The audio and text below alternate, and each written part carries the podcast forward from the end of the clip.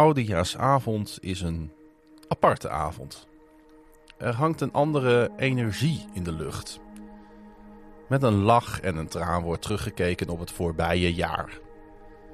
Bij ons thuis las mijn moeder stevast Psalm 90 na de laatste maaltijd van het jaar. En ze vertelde er dan altijd bij dat dit bij haar thuis vroeger ook al werd gedaan. Sommige tradities moet je in ere houden en dus doe ik dat ook. Psalm 90 wordt dan ook wel de Oudejaarspsalm genoemd. En het is een bijzondere psalm. Mozes wordt namelijk als auteur van dit gebed aangewezen. Of dat wel of niet zo is, daar is veel discussie over, maar laten we ervan uitgaan dat het zo is.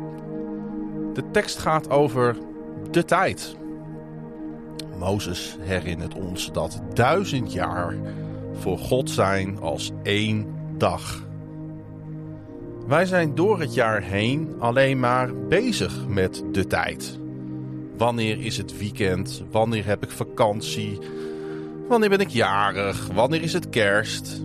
En op oudejaarsavond tellen we met elkaar af naar het nieuwe jaar.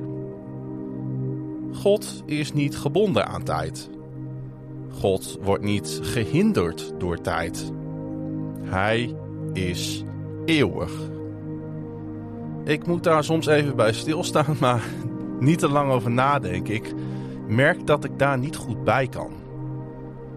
De tekst van Mozes vind je bijna identiek ook terug in het Nieuwe Testament. In 2 Petrus 3 staat dat één dag of duizend jaar voor de Here geen verschil maakt. Sommigen denken misschien dat hij treuzelt, maar dat is niet zo. God is namelijk geduldig met het vervullen van zijn belofte. En als ik dan zo'n beetje switch tussen Psalm 90 en 2 Petrus 3, merk ik dat de regels doorspekt zijn met hoop. We mogen vol verwachting naar die dag toe leven en eraan meewerken dat hij gauw komt.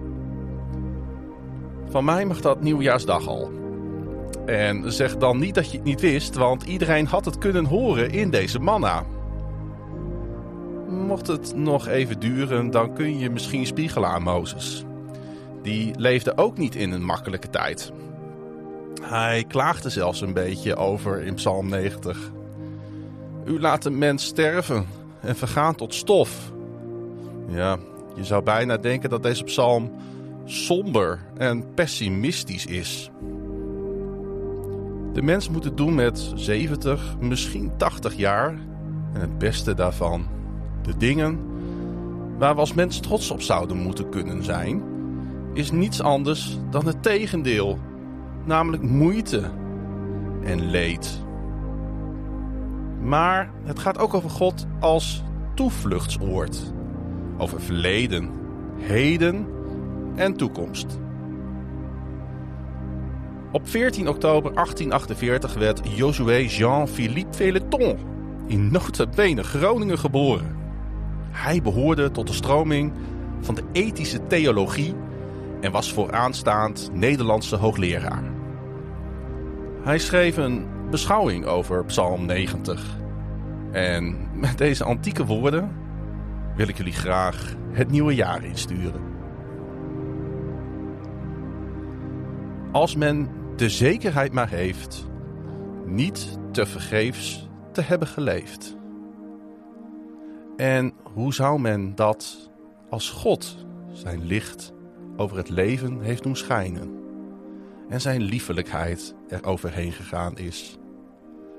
Ook het eindige ontvangt dan de stempel der eeuwigheid.